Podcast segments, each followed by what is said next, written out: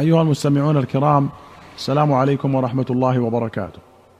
في كتاب الفضائل أخرج البخاري عن عمرو بن تغلب الأنصاري رضي الله عنه أن رسول الله صلى الله عليه وسلم أتي بمال أو سبي فقسمه فأعطى رجالا وترك رجالا فبلغه أن الذين ترك عتبوا فحمد الله ثم أثنى عليه ثم قال أما بعد فوالله إني لاعطي الرجل وأدع الرجل والذي أدع أحب إلي من الذي أعطي ولكني أعطي أقواما لما أرى في قلوبهم من الجزع والهلع وأكل أقواما إلى ما جعل الله في قلوبهم من الغنى والخير منهم عمرو بن تغلب.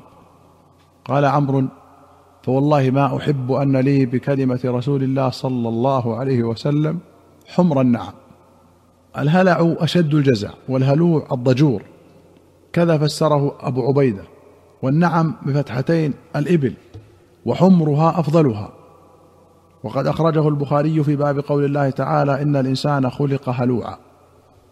قال ابن بطال مراده في هذا الباب إثبات خلق الله تعالى للإنسان بأخلاقه من الهلع والصبر والمنع والإعطاء.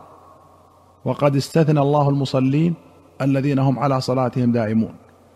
وهذا يفهم منه أن من ادعى لنفسه قدرة على نفع نفسه أو دفع الضر عنها فقد افترى وليس بعالم ولا عابد.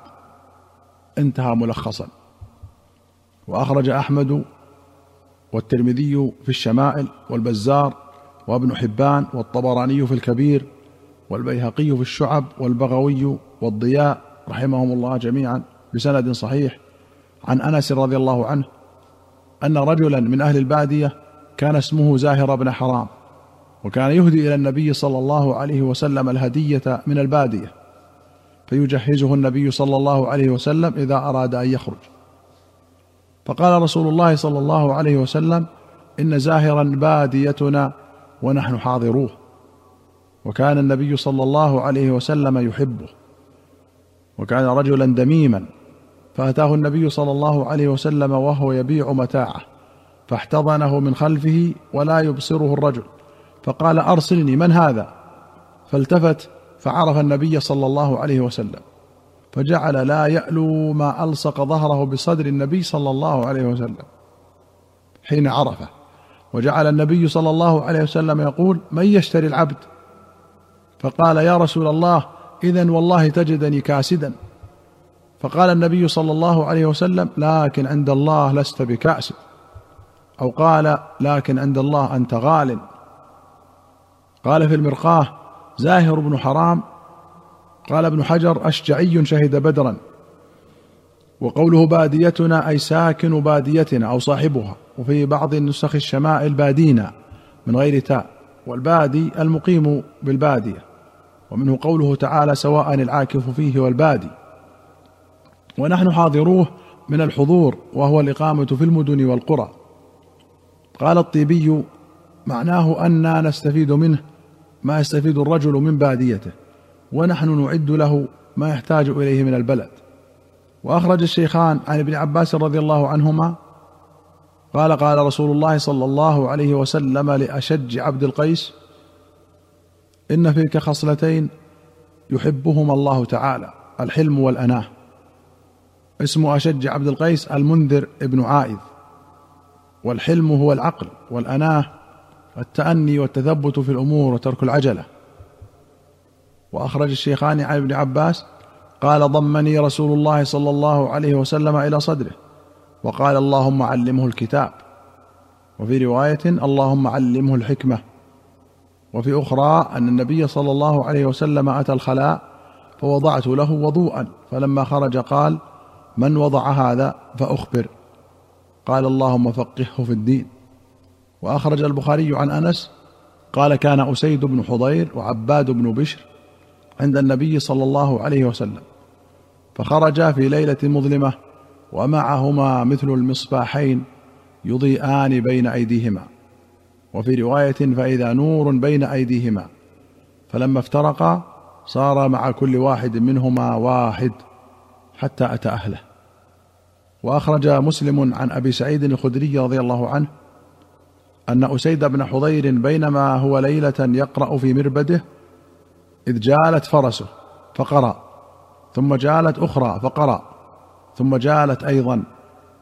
قال أسيد فخشيت أن تطأ يحيى فقمت إليها فإذا مثل الظلة فوق رأسي فيها أمثال السرج عرجت في الجو حتى ما أراها. قال فغدوت على رسول الله صلى الله عليه وسلم. فقلت يا رسول الله بينما أنا البارحة من جوف الليل أقرأ في مربدي إذ جالت فرسي. فقال رسول الله صلى الله عليه وسلم اقرأ ابن حضير. قال فقرأت. ثم جالت أيضا. فقال رسول الله صلى الله عليه وسلم اقرأ ابن حضير. قال فقرأت. ثم جالت أيضا. فقال رسول الله صلى الله عليه وسلم اقرأ ابن حضير. قال فانصرفت وكان يحيى قريبا منها فخشيت أن تطأه. فرأيت مثل الظلة فيها أمثال السرج عرجت في الجو حتى ما أراها. فقال رسول الله صلى الله عليه وسلم تلك الملائكة كانت تستمع لك.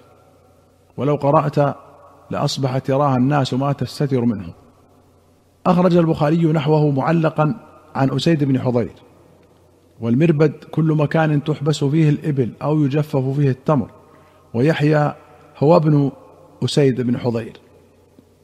وأخرج أحمد والنسائي وأبو يعلى وابن حبان والحاكم والبغوي رحمهم الله بسند صحيح عن عائشة رضي الله عنها قالت قال رسول الله صلى الله عليه وسلم نمت فرأيتني في الجنة فسمعت صوت قارئ يقرأ فقلت من هذا؟ فقالوا هذا حارثة بن النعمان. فقال رسول الله صلى الله عليه وسلم كذلك البر كذلك البر وكان أبر الناس بأمه. حارثة هو حارثة بن النعمان النجاري الأنصاري رضي الله عنه شهد بدرا وأحدا والمشاهد كلها وكان من فضلاء الصحابة وقوله كذلك البر أي مثل تلك الدرجة تنال بسبب البر. وأخرج الشيخان عن أبي هريرة قال بعث رسول الله صلى الله عليه وسلم خيلا قبل نجد فجاءت برجل من بني حنيفة يقال له ثمامة بن أثال سيد أهل اليمامة فربطوه بسارية من سواري المسجد فخرج إليه رسول الله صلى الله عليه وسلم فقال ماذا عندك يا ثمامة؟ فقال عندي خير يا محمد إن تقتلني تقتل ذا دم وإن تنعم تنعم على شاكر وإن كنت تريد المال فسل منه ما شئت. فترك حتى كان الغد. ثم قال له ما عندك يا ثمامة؟ قال ما قلت لك. إن تنعم تنعم على شاكر فتركه حتى كان بعد الغد. فقال ماذا عندك يا ثمامة؟ قال عندي ما قلت لك. فقال أطلقوا ثمامة. فانطلق إلى نخل قريب من المسجد فاغتسل. ثم دخل المسجد. فقال أشهد أن لا إله إلا الله وأشهد أن محمدا رسول الله. يا محمد والله ما كان على الأرض وجه أبغض إلي من وجهك فقد أصبح وجهك أحب الوجوه إلي. والله ما كان من دين أبغض إلي من دينك فقد أصبح دينك أحب الدين إلي. والله ما كان من بلد أبغض إلي من بلدك فقد أصبح بلدك أحب البلاد إلي. وإن خيلك أخذتني وأنا أريد العمرة فماذا ترى؟ فبشره رسول الله صلى الله عليه وسلم وأمره أن يعتمر. فلما قدم مكة قيل له أصبأت؟ قال لا ولكن أسلمت مع محمد رسول الله صلى الله عليه وسلم. ولا والله لا يأتيكم من اليمامة حبة حنطة حتى يأذن فيها رسول الله صلى الله عليه وسلم. أيها المستمعون الكرام إلى هنا نأتي إلى نهاية هذه الحلقة. حتى نلقاكم في حلقة قادمة إن شاء الله. نستودعكم الله. والسلام عليكم ورحمة الله وبركاته.